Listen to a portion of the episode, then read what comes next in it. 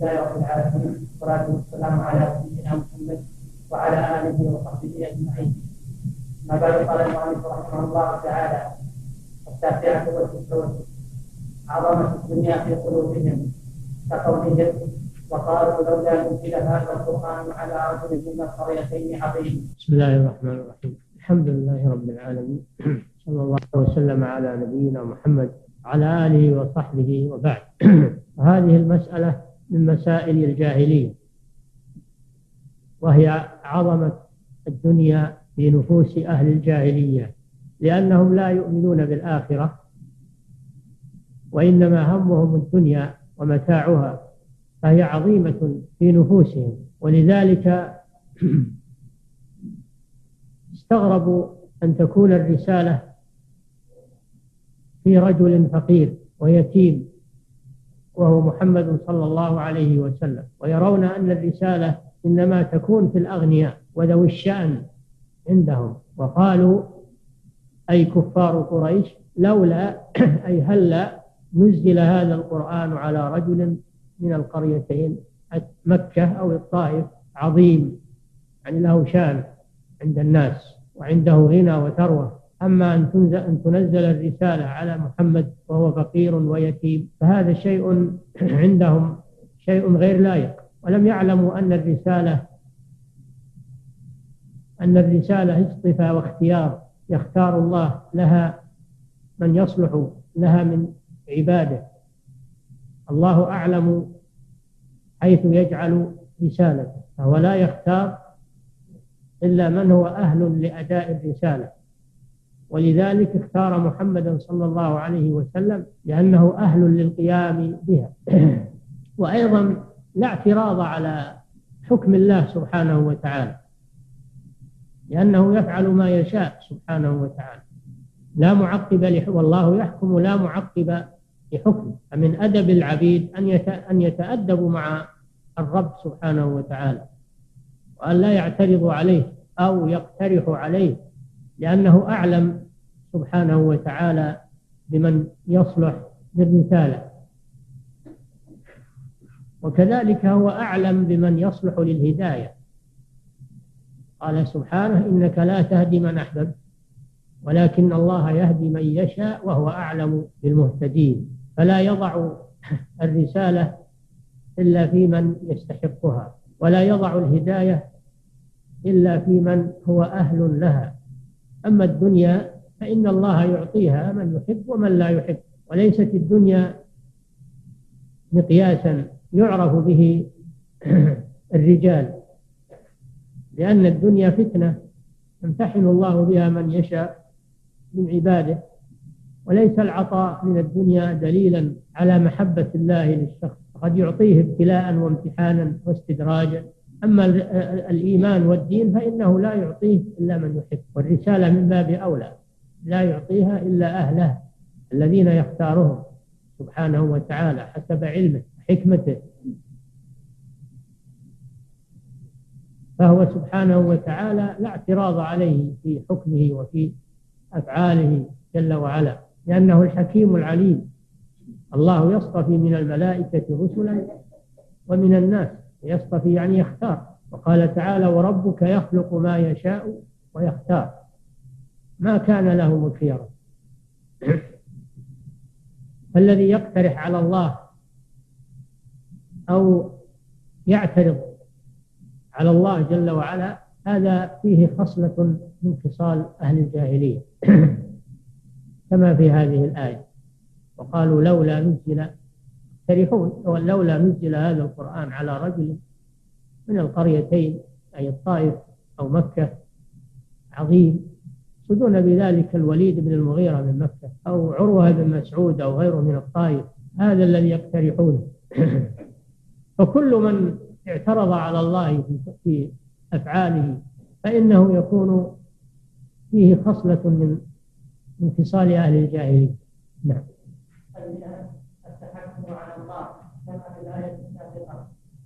المسألة المئة من مسائل الجاهلية التحكم على الله كما في الآية السابقة وقالوا لولا نزل هذا القرآن.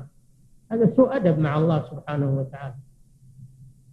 الواجب على المسلم أن يرضى ويسلم بأمر الله سبحانه وتعالى وأن لا يعترض على الله في أحكامه وفي أفعاله بل يعظم الله سبحانه وتعالى في كل أموره. قال سبحانه يا أيها الذين آمنوا لا تقدموا بين يدي الله ورسوله. واتقوا الله إن الله سميع عليم.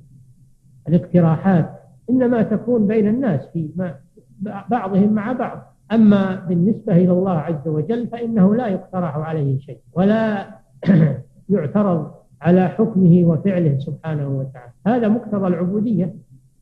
ولأن الله حكيم لا يضع الأمور إلا في مواضعها ولا يعلم من يستحق ومن لا يستحق إلا الله سبحانه وتعالى. نعم.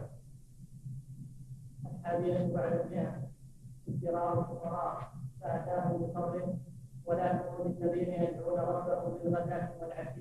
المسألة الواحدة بعد المئة من مسائل الجاهلية أنهم يزدرون الفقراء ومن ذلك أنهم اقترحوا على الرسول صلى الله عليه وسلم أن يمنعهم من مجلسه. إذا جاء أكابر قريش فلا يجلسوا معهم. أن يمنع الرسول صلى الله عليه وسلم الفقراء من حضور مجلسه إذا جاء العظماء من قريش وقالوا إذا كنت تريد أن نجلس إليك ونستمع منك فاطرد هؤلاء الفقراء صهيبا وعمارا وبلالا وغيرهم من وغيرهم من فقراء المسلمين. فأنزل الله سبحانه وتعالى ولا تطرد الذين يدعون ربهم بالغداة والعشي يريدون وجهه. ما عليك من حسابهم من شيء وما من حسابك عليهم من شيء فتطردهم فتكون من الظالمين. وكذلك فتنا بعضهم ببعض. ليقولوا أهؤلاء من الله عليهم من بيننا؟ أليس الله بأعلم بالشاكرين؟ وإذا جاءك الذين يؤمنون بآياتنا فقل سلام عليكم. كتب ربكم على نفسه الرحمة أنه من عمل منكم سوءا بجهالة ثم تاب من بعد ذلك وأصلح فأنه غفور رحيم. أنزل الله هذه الآيات على هذا السبب وهو أن أكابر قريش اقترحوا على الرسول صلى الله عليه وسلم أن يخلي مجلسه من الفقراء وقالوا لا نجلس مع هؤلاء. فالله جل وعلا منع نبيه صلى الله عليه وسلم من تنفيذ فكرتهم.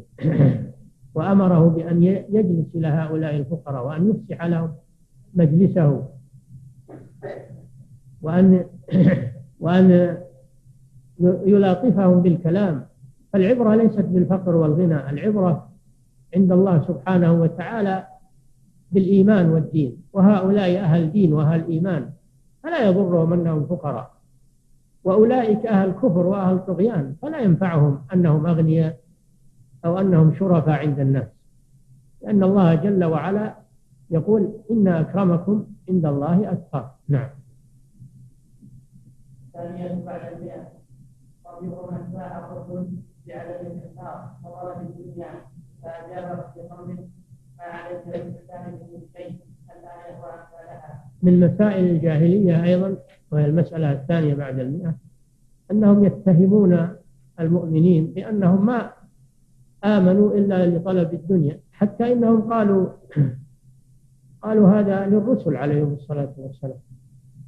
قالوا هذا للرسل أنهم يريدون أن الرسل يريدون الرياسة ويريدون طمع الدنيا.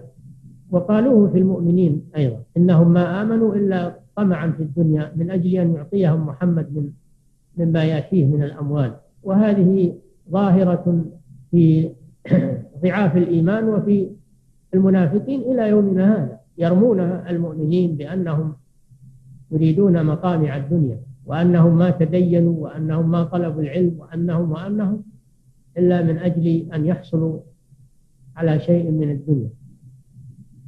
فقالوا لموسى عليه السلام وتكون لكم الكبرياء في الأرض؟ يعني موسى وهارون عليه الصلاة والسلام يعني أنهم أن موسى وهارون يطلبون الرئاسة. تكون الكبرياء لكما في الأرض وما نحن لكما بمؤمنين. فالحاصل أن هذه صفة لا تزال في في أفهام ضعاف الإيمان وفي أفهام المنافقين. يرمون بها أهل الإخلاص وأهل الدين وطلبة العلم. أنهم رجال دنيا وأنهم رجال وظائف وأنهم وأنهم لا نزال نسمعها إلى الآن. فليس بغريب إذا وجد الآن من ينبز أهل الدين بأنهم يريدون الوظائف ويريدون الطمع ويريدون الثروة وغير ذلك. فإن هذا قاله قبلهم أهل الجاهلية في أهل الإيمان من أتباع محمد صلى الله عليه وسلم. نعم.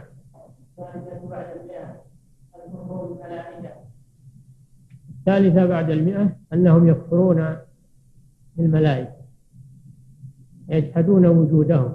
الملائكة عالم من عالم الغيب. لا يعلمهم إلا الله سبحانه وتعالى. فالإيمان بالملائكة من الإيمان بالغيب. يجب الإيمان بهم. والإيمان بهم من أركان الإيمان الست كما قال صلى الله عليه وسلم الإيمان أن تؤمن بالله وملائكته وكتبه ورسله اليوم الآخر وتؤمن بالقدر خيره وشره.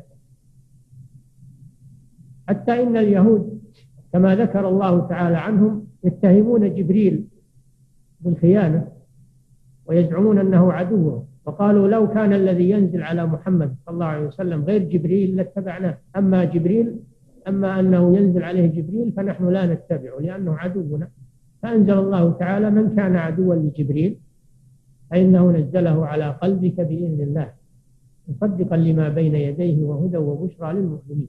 من كان عدوا لله وملائكته ورسله وجبريل وميكال فإن الله عدو للكافرين. فالواجب الإيمان بالملائكة ومحبتهم لأنهم عباد الله ورسل الله عز وجل. وهم أنصح الخلق لبني آدم. أنصح الخلق لبني آدم هم الملائكة عليهم الصلاة والسلام. يستغفرون لهم ويدعون لهم ويصلون عليهم. فهم أنصح الخلق لبني آدم. وأيضا هم رسل الله عز وجل. الله يصطفي من الملائكة رسلا ومن الناس. ويرسل الله من الملائكة رسلا إلى إلى الأنبياء بالوحي والرسالات فهم الواسطة بين الله وبين رسله. هم الواسطة بين الله وبين رسله. فلهم من المكانة عند الله والمنزلة عند الله الشيء العظيم. فلا يعاديهم ويكفر بهم إلا من كان في قلبه الزيغ والكفر الغليظ والعياذ بالله. نعم. نعم. كذلك من خصال أهل الجاهلية الكفر بالرسل. المشركون الوثنيون لا يؤمنون بالرسل أصلا لا يؤمنون بأحد من الرسل. هذا الأصل مفقود عندهم. لا يؤمنون بالرسل ولا يقرون برسالة. فقالوا ما أنزل الله على بشر من شيء. ويستنكرون أن يختص الله من بينهم بشرا مثلهم يأتونهم بالرسالة. إن أنتم إلا بشر مثلنا. وما أنزل الرحمن من شيء. أبشرا منا واحدا نتبعه؟ إنا إذا لفي ضلال وسعر. هذا طريقة المشركين أنهم لا يؤمنون بجميع الرسل. وأما اليهود والنصارى فإنهم يؤمنون بالرسل في الجملة لكن يكفرون ببعضهم. كما كفر اليهود بعيسى وبمحمد صلى الله عليه وسلم كما كفر النصارى بمحمد صلى الله عليه وسلم فأهل الكتاب يؤمنون ببعض الرسل ويكفرون بالبعض. وأما المشركون والوثنيون فإنهم لا يقرون برسالة نبي من الأنبياء. كذبت قوم نوح المرسلين كذبت عاد المرسلين كذبت ثمود المرسلين يعني لم يؤمنوا بواحد من الرسل. نعم. نعم. كذلك ما يقولون ما أنزل الله على بشر من شيء. يجحدون الكتب التي أنزلها الله جل وعلا. ولهذا لما سأل جبريل النبي صلى الله عليه وسلم عن الإيمان قال أن تؤمن بالله وملائكته وكتبه ورسله واليوم الآخر وتؤمن بالقدر خيره وشره. لأن هذه خالف فيها كثير من الخلق. فلا يتميز المؤمن الصادق في إيمانه إلا من آمن بهذه الأركان كلها ومنها الكتب. ولهذا يقول جل وعلا ليس البر أن تولوا وجوهكم قبل المشرق والمغرب ولكن البر من آمن بالله واليوم الآخر والملائكة والكتاب والنبيين. الكتاب يعني جميع الكتب فعد من أصول الإيمان الإيمان بالكتاب. آمن الرسول بما أنزل إليه والمؤمنون كل آمن بالله وملائكته وكتبه ورسله. فجعل الإيمان بالكتب مع الإيمان بالله سبحانه وتعالى والإيمان برسله والإيمان بملائكته والإيمان باليوم الآخر. ولا بد من الإيمان بجميع الكتب. الذي يؤمن ببعض الكتب ويكفر ببعض وكافر بالجميع. لو أقر بجميع الكتب إلا القرآن لم يؤمن به فهو كافر بجميع الكتب. كذلك لو أقر بالقرآن وبجميع الكتب إلا التوراة أو إلا الإنجيل أو إلا الزبور فإنه يكون كافرا بجميع الكتب. لأن من آمن ببعض وكفر ببعض فهو كافر بالجميع. فلا بد من الإيمان بجميع الرسل. لا بد من الإيمان بجميع الملائكة. لا بد من الإيمان بجميع الكتب. من غير تفريق. نعم.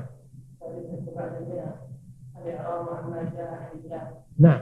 السادسة بعد المئة الإعراض عما جاء عن الله سبحانه وتعالى. فأهل الجاهلية يعرضون عن الاستماع لما جاء عن الله من الوحي ولا يستمعون إليه ولا يرفعون به رأس. كما قال تعالى والذين كفروا عما أنذروا معرضون.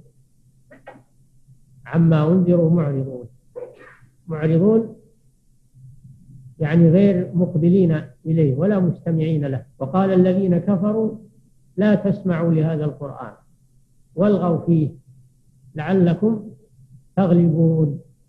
فهم يعرضون عن الاستماع لكتاب الله تكبرا وعنادا ويتحاذرون يتحاذرون من الاستماع ويحذرون غيرهم من الاستماع لكتاب الله عز وجل. ويشبههم كل من أعرض عن كتاب الله فلم يستمع له أو أعرض عن سنة رسول الله صلى الله عليه وسلم فلم يستمع لها ولم يقبلها. كله يدخل في الإعراض والإعراض معناه عدم الرغبة عدم الرغبة بما أنزل الله سبحانه وتعالى. والإعراض يتنوع وبعضه أشد من بعض فالواجب على المسلم أن يصغي لكتاب الله وأن يستمع لكتاب الله. وإذا قرئ القرآن فاستمعوا له وأنصتوا لعلكم ترحمون. هذا هو الواجب لأنه كلام الله سبحانه وتعالى فالذي يعرض ويلغو ويستبدل كلام الله باللغو هذا يكون على طريقة أهل الجاهلية. كما قال سبحانه وتعالى بسم الله الرحمن الرحيم ألف لام ميم. تلك آيات الكتاب الحكيم هدى ورحمة. للمحسنين الذين يقيمون الصلاة ويؤتون الزكاة وهم بالآخرة هم يوقنون. أولئك على هدى من ربهم وأولئك هم المفلحون.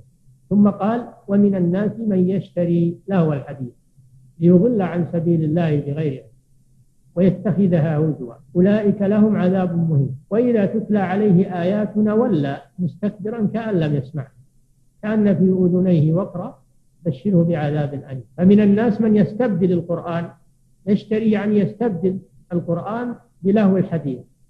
ولهو الحديث فسر بأنه الأغاني وآلات اللهو وفسر بأنه أخبار الأعاجم أخبار الأعاجم. فهؤلاء بدل أن يستمعوا للقرآن يستمعون إلى الأغاني والمعازف والمزامير. ويستمعون إلى حكايات العجم وخرافاتهم وفي وقتنا الحاضر أفلامهم ورواياتهم التي يسمونها الروايات والتمثيليات يقبلون عليها ليلهم ونهارهم ولا يحضرون إلى مجالس الذكر وإلى حلق الذكر ولا يستمعون للقرآن إذا تلي بل إن بعضهم إذا كان عنده المذياع وفتح المذياع ووجد القرآن فيه أغلقه ثم أدرجه إلى الأغاني. تبدل بدل أن يستمع للقرآن يستمع للأغاني والمعازف والمزامير. وأغنية فلان وأغنية فلان أو إلى التمثيليات والمسرحيات والروايات التي هي من مخرقة الكفار وأشباههم. فيمضي ليله ونهاره. على هذا القبيل هذا من الإعراض عن كتاب الله سبحانه وتعالى. نعم. نعم. جميع المشركين ينكرون البعث ولهذا تجدون في القرآن آيات كثيرة على إثبات البعث والاستدلال عليه لأنهم ينكرونه ويستغربون أن الله يعيد هذه الأجسام بعد فنائها. قالوا أئذا كنا عظاما ورفاتا أئنا لمبعوثون خلقا جديدا؟ إذا كنا عظاما ورفاتا أئنا لمبعوثون خلقا جديدا؟ قال الله جل وعلا قل كونوا حجارة أو حديدا أو خلقا مما يكون في صدوركم. فسيقولون من يعيدنا؟ قل الذي فطركم أول مرة. الذي الذي الذي بدأكم من عدم وأوجدكم من عدم قادر على أن يعيدكم من باب أول. لا يعجزه شيء سبحانه وتعالى. أئذا كنا ترابا ذلك رجع بعيد. قال الله تعالى قد علمنا ما تنقص الأرض منهم وعندنا كتاب حفيظ. الله جل وعلا يعيد الإنسان ولو كان ترابا. يعيده ولو كان ترابا.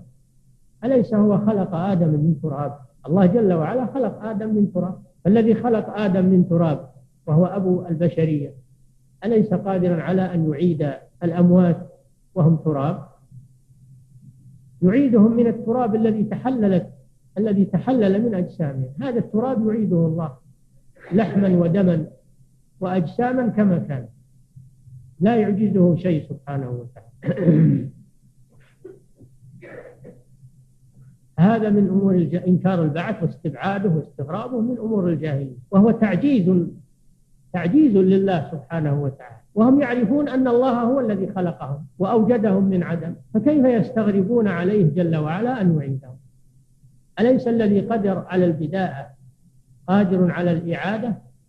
من باب أولى وهو الذي يبدأ الخلق ثم يعيده وهو أهون عليه.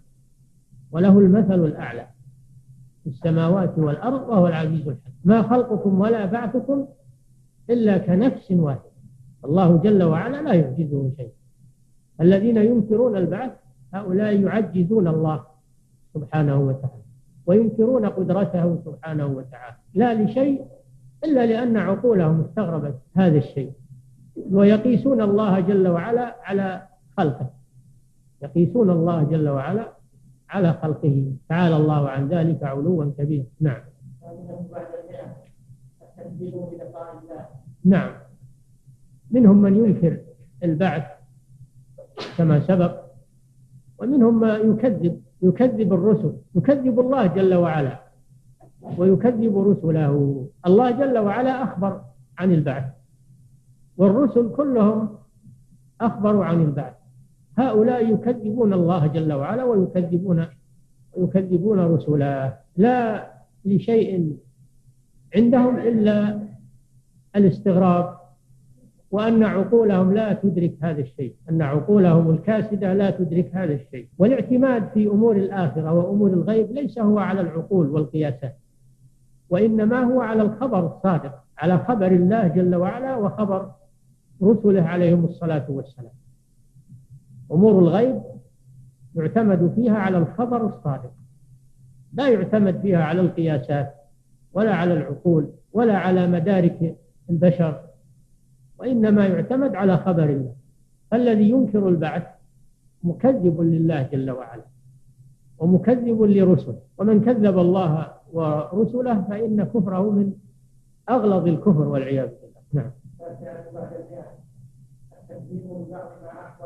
الرسل عن اليوم الآخر كما في قوله أولئك الذين كفروا بآيات ربهم ولقائه ومنها التكذيب بقوله مالك يوم الدين.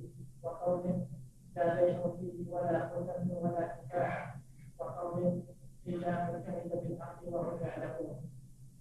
يجب الإيمان بكل ما أخبر الله به عن يوم القيامة. وبكل ما أخبر به رسوله صلى الله عليه وسلم من تفاصيل يوم القيامة وما يجري فيه من الحساب من البعث والحشر والحساب والميزان والجنة والنار. وقبل ذلك كله عذاب القبر أو نعيم القبر وما فيه من العجائب.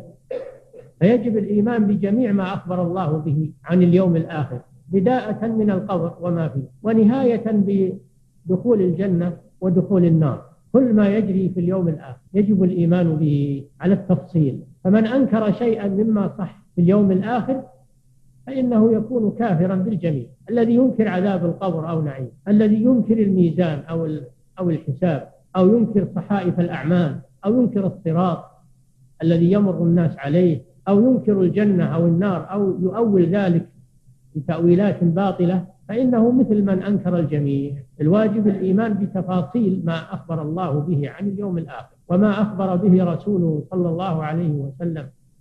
عن اليوم الآخر وأن لا ينكر شيئا مما صح من من من أمور يوم القيامة. فلا يكفي أنه يؤمن باليوم الآخر جملة بل لا بد أن يؤمن بكل ما صح في اليوم الآخر من الأمور الغيبية التي جاءت في كتاب الله أو في سنة رسوله صلى الله عليه وسلم. نعم.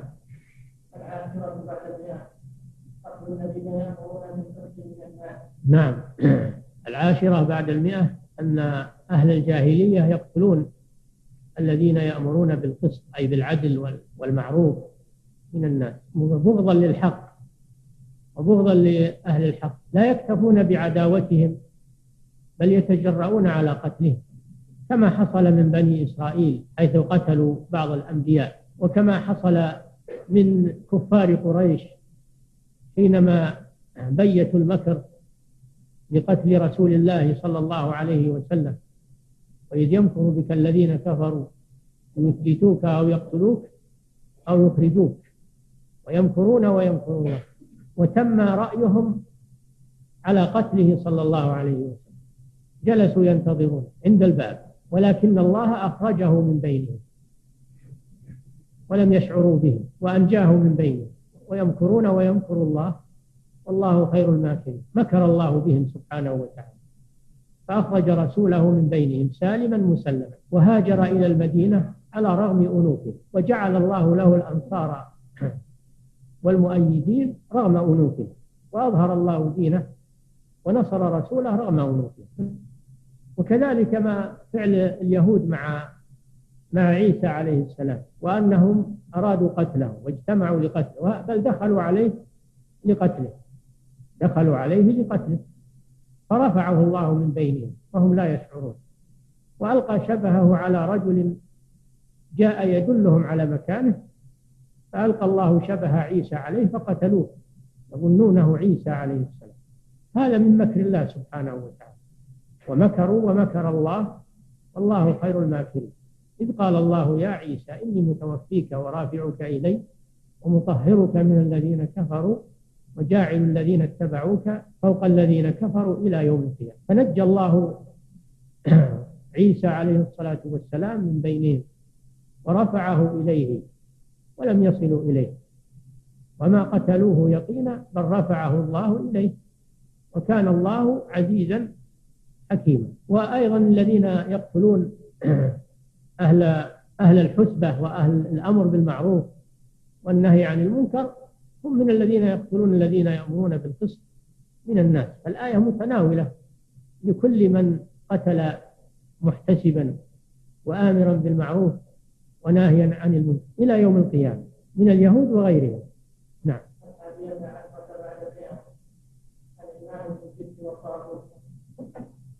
الحادية عشرة أنهم يؤمنون بالجبت. والجبت هو السحر. الجبت هو السحر أو الشيطان. أو رنة الشيطان. الحاصل أنه كل باطل كل باطل من السحر ومن الشيطان ومن صوت الشيطان. أهل الجاهلية يؤمنون بالجبت والطاغوت. كما قال الله تعالى ألم ترى إلى الذين أوتوا نصيبا من الكتاب؟ يؤمنون بالجبت والطاغوت. والطاغوت في هذه الآية قيل هو كعب ابن الأشرف اليهودي. وذلك أنه لما حصل النصر لرسول الله صلى الله عليه وسلم في وقعة بدر اغتاظ اليهود من ذلك وأرادوا الكيد لرسول الله صلى الله عليه وسلم فذهب جماعة من أكابرهم إلى أهل مكة يسألونهم عن محمد صلى الله عليه وسلم يسألونهم عن محمد هل هو على حق ولا على باطل؟ ف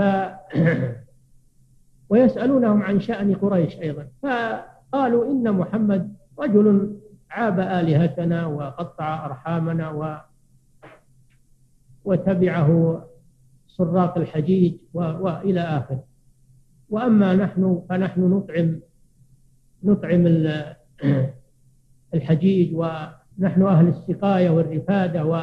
ونذبح الكوم إلى آخره يمدحون أنفسهم.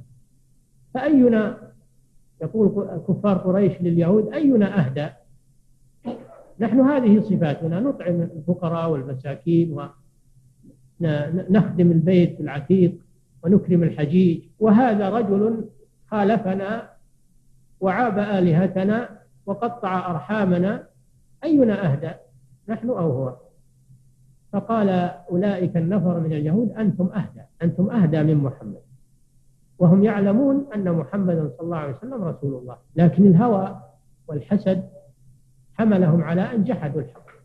فأنزل الله تعالى ألم ترى إلى الذين أوتوا نصيبا من الكتاب يؤمنون بالجبت والطاغوت ويقولون للذين كفروا هؤلاء أهدى من الذين آمنوا سبيلا أولئك الذين لعنهم الله. ومن يلعن الله فلن تجد له نصيرا. وأهل الجاهلية كما سبق أنها تتناول الوثنيين وتتناول الكتابيين تتناول الأميين وتتناول الكتابيين ما نفعهم أنهم أهل الكتاب صاروا من أهل الجاهلية. فالذي لا يعمل بكتاب الله ولا بسنة رسوله يكون من أهل الجاهلية. وإن كان عالما وإن كان عالما بشرع الله وحافظا لكتاب الله وسنة رسوله إذا كان لا يعمل بها ويعتقد خلافها فهو من أهل الجاهلية. ومن ذلك اليهود. يعلمون التوراة والإنجيل ويعلمون صحة رسالة محمد وعاداته ووصل بهم الأمر إلى أن فضلوا دين المشركين على دين محمد صلى الله عليه وسلم. فهذا عام لكل من سلك هذا المسلك وحمله الكبر والحسد على بغض الحق وبغض أهله ومدح الباطل ونصرة أهله إلى يوم القيامة. نعم ثانية عشرة بعد المئة دين المسلمين على دين المسلمين. مثل ما في مثل ما في المسألة التي قبلها. التي قبلها يؤمنون بالجد والطاغوت. أظهروا الموافقة. حتى ولو كانوا في قلوبهم مخالفين. ما داموا أظهروا هذا صاروا مؤمنين. صاروا مؤمنين به. ولو كانت قلوبهم بخلافه لكن لما أظهروا هذا وقالوه ونطقوا به والعياذ بالله صار صاروا يؤمنون بالجبت والطاغوت ولو كان في الظاهر فقط. لا يجوز للإنسان أنه يوافق الكفار ولا بالقول. ما يجوز له يوافق الكفار ويدم الإسلام ويمدح الكفر ولو ولو كان باللسان فقط. إلا في قضية واحدة وهي قضية الإكراه. إذا أكره إلا من أكره وقلبه مطمئن بالإيمان. أما الإنسان المختار فإذا ناصر الباطل ومدح الباطل وذم الحق حتى ولو كان في قلبه غير موافق فإنه يكون كافرا. يكون كافرا بالله. ألم ترى إلى الذين أوتوا نصيبا من الكتاب يؤمنون بالجبت سماها فعلهم هذا وموافقتهم في الظاهر سماها إيمانا. يؤمنون بالجبت والطاغوت. والمسألة الثانية أنهم فضلوا والعياذ بالله فضلوا الكفر على الإيمان. فضلوا ما عليه كفار قريش وعبدة الأصنام عبدة اللات والعزى ومنات وغير وغيرها من الأصنام فضلوه على دين محمد. ويقولون للذين كفروا هؤلاء أهدى من الذين آمنوا سبيلا ذكر الله المسألتين. المسألة الأولى يؤمنون بالجد والطاغوت. وهذا الموافقة في الظاهر. والمسألة الثانية ويقولون للذين كفروا وهم كفار قريش هؤلاء أهدى من الذين آمنوا وهم محمد صلى الله عليه وسلم وأصحابه. أهدى من الذين آمنوا سبيلا. هذه مسألتان في هذه الآية. الموافقة في الظاهر والنطق باللسان. نعم.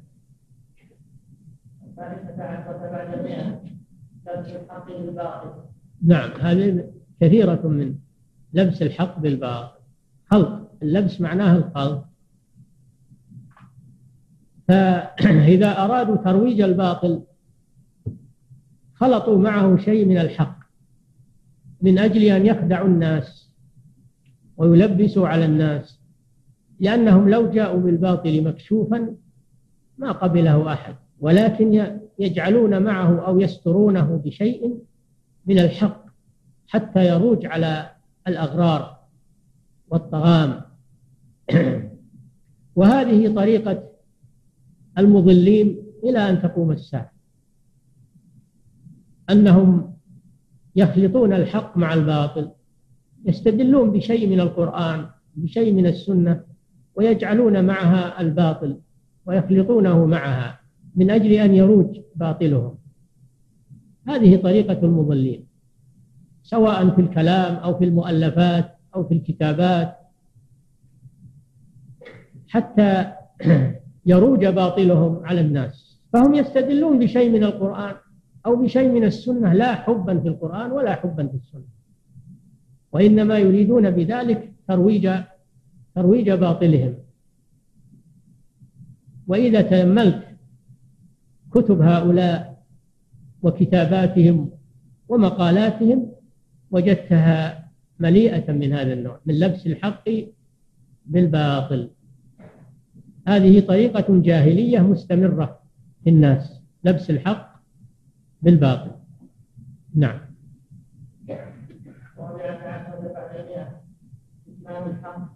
فمثلا من لبس الحق بالباطل من لبس الحق بالباطل الذين يروجون لبدعة إحياء المولد كل سنة.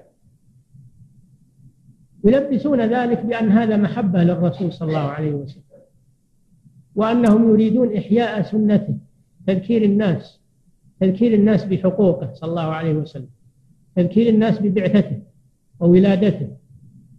هذه في ظاهرها حق لكنهم يريدون ترويج البدعة يريدون ترويج هذه البدعة وأن تتأصل في نفوس الناس. هذا من لبس الحق بالباطل. فالإنسان البصير يقلب دعواهم عليه فيقولون إن إن محبة الرسول صلى الله عليه وسلم تقتضي طاعته واتباعه. والرسول صلى الله عليه وسلم نهى عن البدع والمحدثات وحذر منها. هذا المولد الذي تعملونه. هل هو من سنة الرسول صلى الله عليه وسلم؟ هل ثبت بقوله أو فعله أو تقريره صلى الله عليه وسلم؟ هل ثبت من سنة الخلفاء الراشدين؟ هل ثبت من فعل القرون المفضلة؟ فلا بد أن يعترفوا ويقولوا لا. لا هو من سنة الرسول ولا هو من سنة الخلفاء الراشدين ولا هو من عمل القرون المفضلة. فنقول ما دام كذلك فالذي يحب الرسول صلى الله عليه وسلم يرفض هذه البدعة. الذي يحب الرسول صلى الله عليه وسلم حقيقة يرفض هذه البدعة. والذي يقيمها هذا كاذب في دعواه محبة الرسول صلى الله عليه وسلم. لأن من يحب الرسول صلى الله عليه وسلم يتبعه. والرسول حذر من البدع ونهى عنها وهذه بدعة. فكيف تدعي محبته وأنت تخالفه وترتكب ما نهاك عنه؟ هذا عكس محبة الرسول صلى الله عليه وسلم. لكن العوام والناس اللي ما عندهم بصيرة ينخدعون بهذه المظاهر محبة الرسول إحياء ذكرى الرسول صلى الله عليه وسلم إلى آخر ما يقولون. لكن أهل البصيرة يقلبون هذه الحجة عليهم. نعم.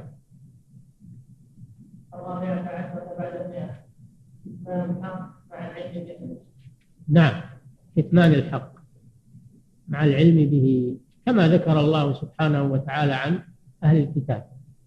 وإن فريقا منهم ليكتمون الحق وهم يعلمون. الحق من ربك فلا تكونن من الممترين. فالله سبحانه وتعالى لما حول القبلة من بيت المقدس إلى الكعبة وحصل ما حصل من آه، حصل ما حصل من معارضة اليهود.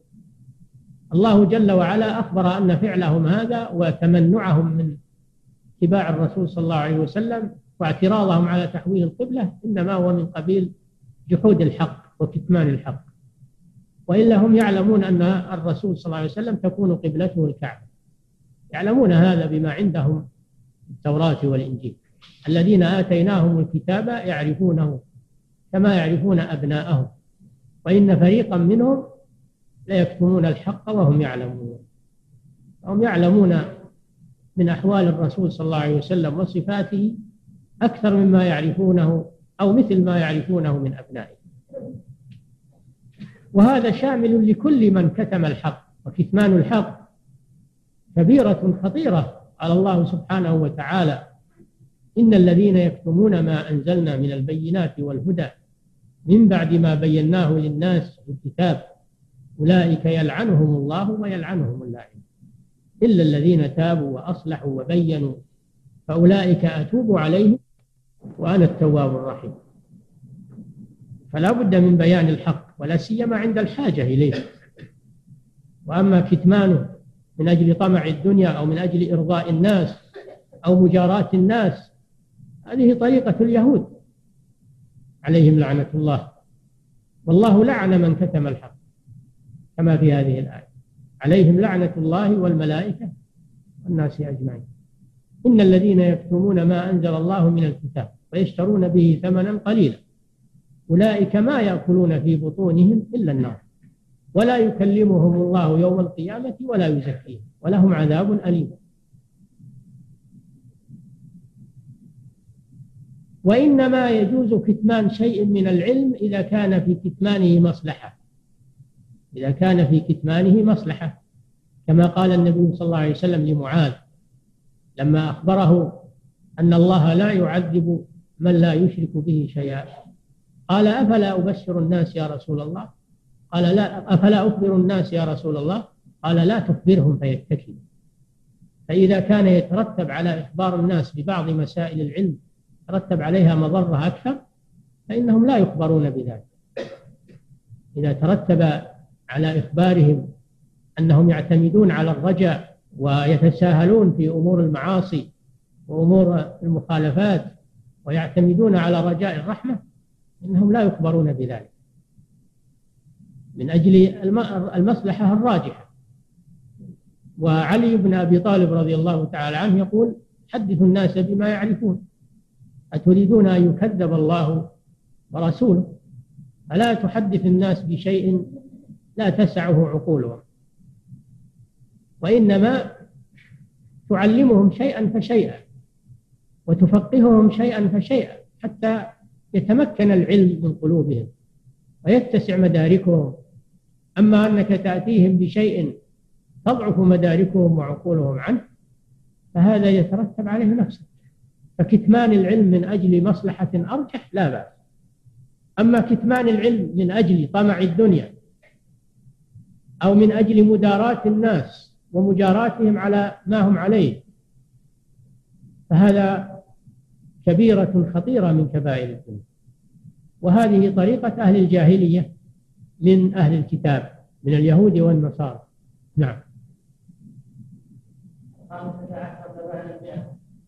قاعدة الصلاة وهي القول على الله بلا علم. هذه المشكلة القول على الله بلا علم. كون الإنسان يتدخل في أمور الشرع وأمور الحلال والحرام والفتوى أو التدريس والتعليم وهو غير مؤهل أو يحكم على الأشياء من غير دليل من كتاب الله وسنة رسوله. يحكم عليها بالحل أو الحرمة من غير دليل. وإنما بمجرد ما ينقدح في ذهنه أو في فكره فهذا من أخطر الأمور وهذا أعظم من الشرك. قال الله سبحانه وتعالى قل إنما حرم ربي الفواحش ما ظهر منها وما بطن والإثم والبغي بغير الحق. وأن تشركوا بالله ما لم ينزل به سلطانا وأن تقولوا على الله ما لا تعلمون. قال سبحانه وتعالى ولا تقولوا بما تصف ألسنتكم الكذب هذا حلال وهذا حرام لتفتروا على الله الكذب. إن الذين يفترون على الله الكذب لا يفلحون.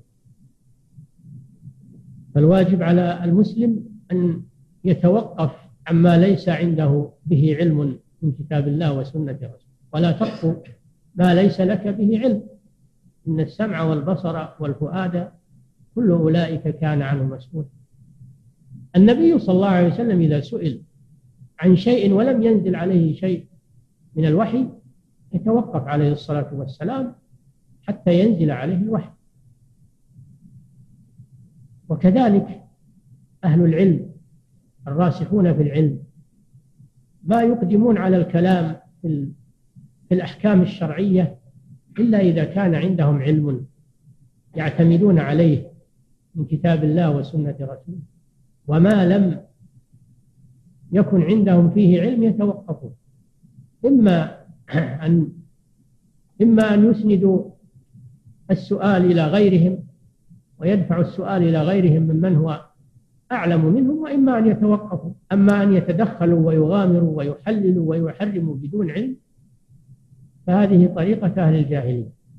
أهل الجاهلية كما تعلمون ما ذكره الله عنهم في سورة المائدة وسورة الأنعام من دخولهم في الحلال والحرام تحريمهم بعض ما أحل الله وتحليلهم بعض ما حرم الله في أمور البهائم وبهيمة الأنعام يحرمون بعضها ويحلون بعضها ويستحلون الميتة يأكلون الميتة ويجادلون فيها. هذا من من القول على الله بلا علم. وكذلك كل من أفتى بغير علم فإنه يدخل في هذه القضية الخطيرة. الإنسان في سلامة وفي عافية ما يتدخل في الأمور أمور الشرع. لأنه يحكي عن الله عز وجل أنه حل هذا أو حرم هذا. فالواجب على المسلم أن يقف عند حد وأن لا يدخل في شيء إلا وعنده دليل واضح من كتاب الله أو من سنة رسوله صلى الله عليه وسلم. وأما ما لم يكن عنده دليل فإنه يتوقف عنه. براءة لذمته وأيضا حماية للآخرين من الوقوع. قد يفتيهم ويحلل له لهم حراما أو يحرم عليهم حلالا. فيوقعهم في الخطر والمحذور. ويقول على الله من غير علم إن الله أحل هذا أو حرم هذا. المسألة خطيرة جدا. قد تساهل كثير من المتعالمين في وقتنا هذا. تساهلوا في هذه الأمور. وادعوا لأنفسهم العلم. فصاروا يؤلفون ويفتون ويتكلمون في أحكام الله عز وجل على غير وأن لا يغامر ويلقي بنفسه في هذه المهلكة ويوقع غيره من الناس. المسألة لا تتوقف عليه هو بل يدخل معه كثيرا ممن يفتيهم في هذه الأمور من غير علم. والله جل وعلا حذر من هذا في كثير من الآيات. والنبي صلى الله عليه وسلم حذر من هذا. حصلت قضية في عهد النبي صلى الله عليه وسلم. أن سرية من السرايا كان معهم رجل أصابته شجة. حجر في أصابه برأسه صار فيه شجة واحتلم من الليل. وجب عليه الاغتسال. فأشكل عليه هل يغتسل وفي هذه الشجة يدخلها الماء ويتضرر؟ أو ماذا يعمل؟ فسألهم فأفتوه بأن يغتسل. اغتسل الرجل ودخل الماء في شجته ومات. فلما علم النبي صلى الله عليه وسلم بذلك قال قتلوه قتلهم الله. ألا سألوا إذا لم يعلموا؟ فإنما شفاء العي السؤال. الله جل وعلا يقول فاسألوا أهل الذكر إن كنتم لا تعلمون. المسألة هذه خطيرة جدا وهي الدخول في مسائل العلم ولا سيما في أمور العقيدة وأمور الحلال والحرام وأمور العلم عامة. الدخول فيها لا يجوز إلا بعلم. لا يجوز إلا بعلم. من كتاب الله ومن سنة رسوله صلى الله عليه وسلم. ثم أيضا لو كان عند الإنسان علم فإنه ما دام فيه من هو أفقه منه وأعلم منه يدفع المسألة إليه. كان الصحابة رضي الله عنهم يتدافعون الفتوى فيما بينهم ولا يقدمون عليها إلا عند الضرورة. لعلمهم ما فيها من الخطر واليوم كثير من الناس يتراكضون على الفتوى. ويتبادرون إلى الفتوى. وإذا صار ما بأفكارهم شيء راحوا يحرفون في الكتب يبحثون عن الرخص والأقوال الشاذة ويخرجونها للناس. هذا قول فلان وهذا قول فلان. يشوشون على الناس. يفتحون لهم أبواب التساهل. هذه مسألة خطيرة جدا. الواجب على طلبة العلم التنبه لها. نعم.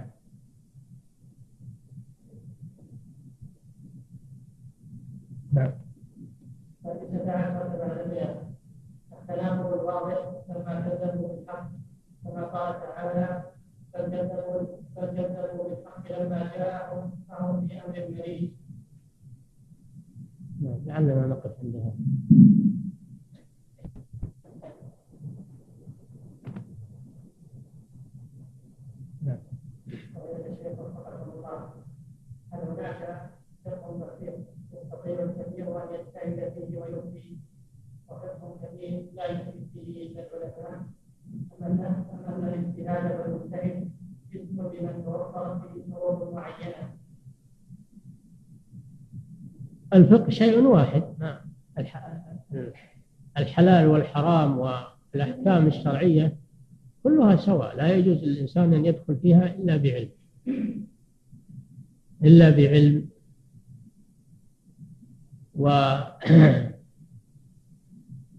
والاجتهاد له شروط كما ذكر أهل العلم. لا بد أن تتوفر في المجتهد. أولا أن يكون عالما بكتاب الله وبسنة رسول الله صلى الله عليه وسلم. ثانيا أن يكون عالما باللغة العربية التي نزل بها القرآن عالما بها وباشتقاقاتها وبمعانيها وفقهها. ثالثا أن يكون عالما بالناسخ والمنسوخ والمطلق والمقيد والمجمل والمبين. ويكون عالما بهذه التفاصيل. لا بد من هذه الأمور. وأما طالب العلم الذي ليست عنده هذه الشروط فإنه ينظر في كلام أهل العلم في كلام الأئمة الموثوقين ينظر. وينظر في أدلتها ينظر في كل قول ومستنده ودليله فما ترجح عنده بالدليل أخذ به وأكتاب ما يأخذ على أنه قول فلان مطلقا وإنما ينظر في دليله ومستنده وينظر في القول الآخر وفي دليله ومستنده ثم يرجح بين القولين. هذا يسمى مجتهد الفتوى مجتهد الفتوى هو الذي يرجح بين الأقوال بأدلتها. إذا كان عنده أهلية للترجيح ومعرفة الدليل والإلمام بكلام أهل العلم في المسألة المرتبة الثالثة الإنسان الذي ليست عنده هذه الأهلية ما يعرف يرجح ولا يعرف هذا عليه أن يسأل أهل العلم. يسأل أهل العلم الذين هم أفقه منه وأدرى منه بهذه الأمور. نعم. الذين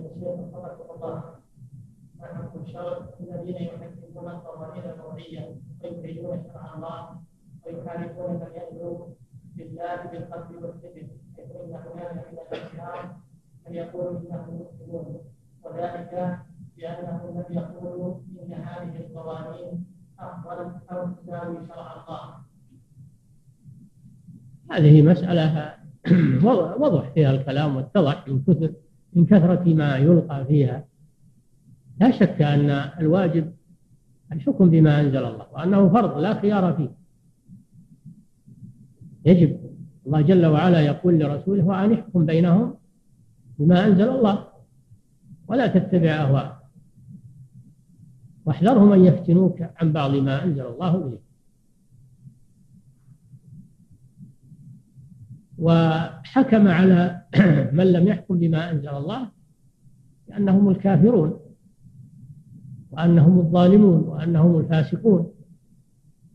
حكم عليهم سبحانه بالكفر والظلم والفسق. وكذلك التحاكم هذا في الحكام.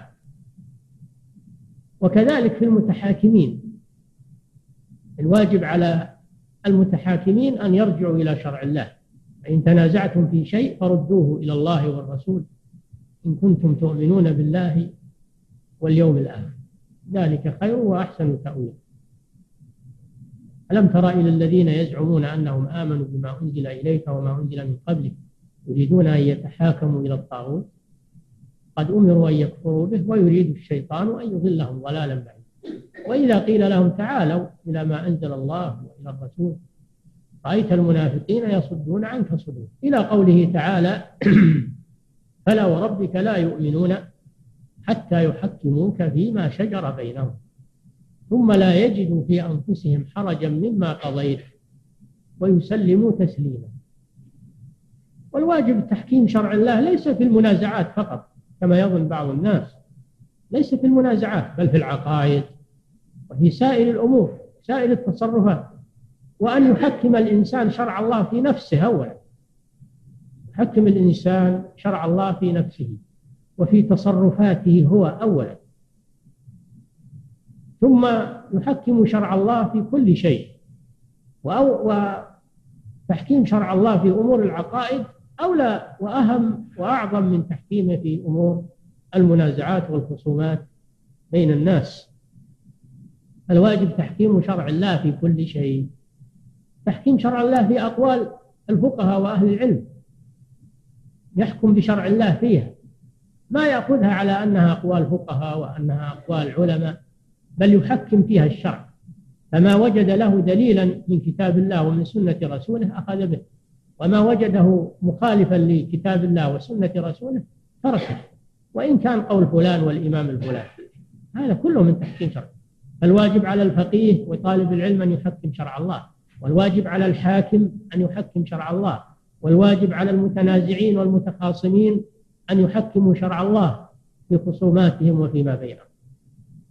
وأما مسألة التفصيل في الحاكم بغير ما أنزل الله هو على كل حال يكفر على كل حال يكفر لكن هل كفره يكون ناقلا عن الملة ومن الكفر الأكبر أو يكون كفرا أصغر؟ العلماء يقولون إن كان يرى أن حكم غير الله أولى وأحسن للناس فهذا كفر باتفاق المسلمين. أو يرى أن حكم الله وحكم غيره على حد سواء وأنه مخير إن شاء حكم بالشرع أو حكم بغيره من القوانين فهذا كافر بالإجماع. الذي يرى أنه مخير بين الحكم بالقرآن أو الحكم بالقوانين هذا كافر بإجماع المسلمين أما إذا كان حكم بغير ما أنزل الله وهو يعتقد أن حكم الله هو الواجب ويعتقد أنه أنه مخالف لحكم الله وأنه مخطي فهذا يعتبر كافرا الكفر الأصغر كافرا الكفر الأصغر الكفر العملي. هذا التفصيل الذي ذكروه نعم. هناك قاعدة تقول كل ما لم تقتضي الحاجة إلى فعله في عهد الرسول صلى الله عليه وسلم وفعل بعد ذلك فهو بدعة. ومنها حكموا على الحقوق للرجال في المساجد أنها بدعة لأن الحاجة بعهد النبي صلى الله عليه وسلم كانت داعية إليها ولم تفعل فما رأي فضيلته؟ هذا من التشدد. ولا ينطبق على الخطوط في السجاد أو في الأرض أنه بدعة. هذا من الأمور العادية من أمور العادات. لكن قد تكون قد تقول إن هذا من التكلف. إن هذا من التكلف. ينبغي تركه لأنه تكلف ما أمرنا به. أما أن يحكم بأنه بدعة هذا من المجازفة. لكن تقول إن هذا من التكلف ولا داعي له. والمصلون يتجهون إلى القبلة بدون هذه الأمور. نعم. بدون هذه الخطوط. يتجهون إلى القبلة. القبلة معروفة. اتجاهها معروف. محراب في المسجد يكفي. المحراب في المسجد يكفي لأنه علامة على القبلة يتجهون إلى اتجاه المحراب اتجاه الإمام. نعم. ولا حاجة إلى الخطوط. نعم.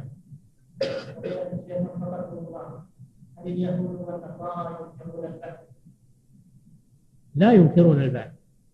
اليهود والنصارى لا ينكرون البعث يؤمنون بالبعث. وإنما ينكر البعث الوثنيون والمشركون والدهريون والذين ينكرون البعث نعم الشيخ الله بعض الناس لا يكفر اليهود والنصارى ويقول المشركون معنا في الايمان بالله وغير ذلك من القواعد الكليه ولا يطلق عليهم انهم كفار سواء الجواب الصحيح في هذه المساله هذه ما تحتاج جواب هذه كلام باطل. الله جل وعلا يقول لقد كفر الذين قالوا إن الله هو المسيح ابن مريم. الله كفرهم وهم الآن يقولون المسيح هو الله أو ابن الله أو ثالث. يقولون هذا ويصرحونه ويسمونه الرب والمخلص إلى آخره. ما تحولوا عن هذه العقيدة. الله كفره النبي صلى الله عليه وسلم يقول لعنة الله على اليهود والنصارى. اتخذوا قبور أنبيائهم مساجد وهم لا يزالون على هذه العقيدة. يتخذون القبور مساجد. فالذي لا يكفرهم وهو يعلم هذه القضايا يكون كافرا مثلهم الذي يزعم أنهم مؤمنون وأنهم آه، هم والمسلمين على حد سواء كل منهم يؤمنون بالله هذا يكون كافرا مثلهم إلا إذا كان جاهلا فهذا يعلم ويبين له. فإن أصر إنه يكون كافرا. لأن من لا يكفر الكافر فهو كافر مثله. هذه قاعدة. من لا يكفر الكافر فهو كافر مثله. لأنه أجاز الكفر. لأنه أجاز الكفر. أجاز مقالة النصارى المسيح ابن الله أو ثالث ثلاث وأجاز عبادة القبور التي عند اليهود والنصارى. وأجاز وأجر لا حول ولا قوة إلا بالله. نعم.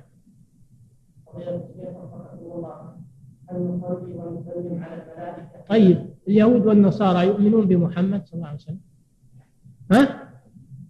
اليهود والنصارى يؤمنون بمحمد صلى الله عليه وسلم. يؤمنون بالقرآن.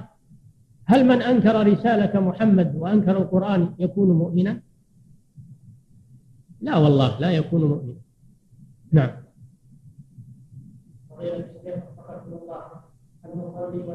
على الملائكة نعم. نصلي ونسلم عليهم لأنهم عباد الله ورسل الله عليهم الصلاة والسلام. نعم. قيل في تفسير الحديث انه المائل عن الشرك إلى التوحيد فكيف يجمع بينه وبين الاصل ان المسلم على صراط مستقيم لا يميل عن ذلك ما ما فيه تعارض. ما فيه تعارض حتى يجمع. الحنيف مائل من أصله وفطرته مائل عن الشرك إلى التوحيد من أصله وفطرته. نعم.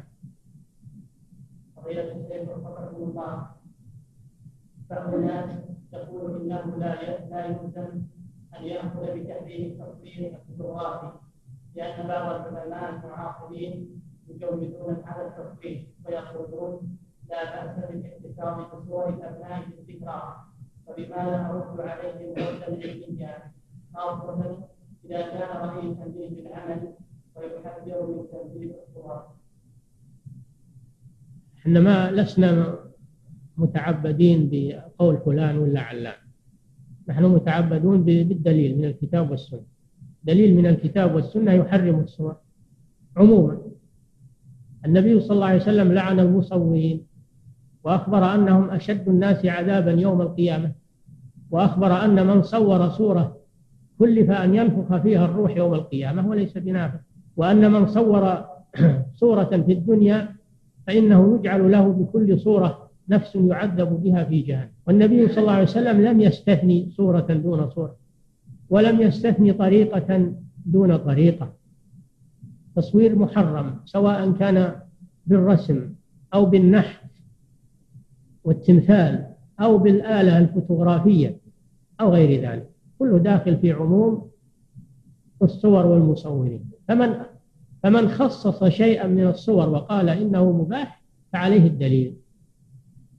الأدلة لا تخصص بقول فلان ولا قول العالم الفلاني وإنما تخصص بالدليل. نحن نطالبهم بالدليل من كتاب الله ومن سنة رسوله على استثناء شيء من الصور. لكن العلماء رخصوا للضرورة رخصوا للضرورة بالتصوير لأجل حفيظة النفوس أو بطاقة الشخصية أو جواز السفر. هذه الأمور رخصوا فيها للضرورة لأن الإنسان لا يحصل على مصالحه إلا بها. فلو لم يصور لحرم من قيادة السيارة حرم من السفر حرم حتى من الدراسة. هذه ضرورة. أما الصور للذكريات والصور للمشاهد ولا وغير ذلك كل هذا حرام. داخل في العموم. لا يخصصه شيء. إنما خصص بالضرورة هذه الأشياء. قوله تعالى إلا ما اضطررتم إلا ما اضطررتم إليه. هي ضرورة. وأما الفلسفات والأقوال وهذه لا نلتفت إليها. إلا إذا قام عليها دليل من كتاب الله وسنة رسوله. صلى الله عليه وسلم. نعم. ما الحكم في شخص يعطى حفظة واقية ويلعب في دينه ولكنه يرفض ويحتج بأنه لا يريد أن يعلم حكم الأمر الذي هو واقع فيه حتى لا تقوم عليه الحجة هل هذا من الإعراض؟ نعم. هذا من الإعراض اللي يقول ما أنا مستمع للقرآن ولا للسنة أخاف يتبين لي أني على شيء من الضلال أو من الخطر. هذا هو نفس الإعراض الواجب على المسلم أنه يستمع لكتاب الله وسنة رسوله وأن يتبع ما تبين له الحق يتبع ويترك ما هو عليه من المخالفات. أما أنه يقول أنا أبقى على ما أنا عليه ولا أستمع إلى شيء حتى ما تقوم علي الحجة الحجة قائمة عليك منذ بعث الله رسوله محمد صلى الله عليه وسلم. سواء أغمضت عينك عنها وأصممت سمعك أو لا الحجة قائمة عليك. شئت أم أبيت؟ لأن بعثة الرسول صلى الله عليه وسلم حجة على الجميع. نعم. الله تعالى أعلم وصلى الله وسلم على نبينا محمد على آله وصحبه أجمعين.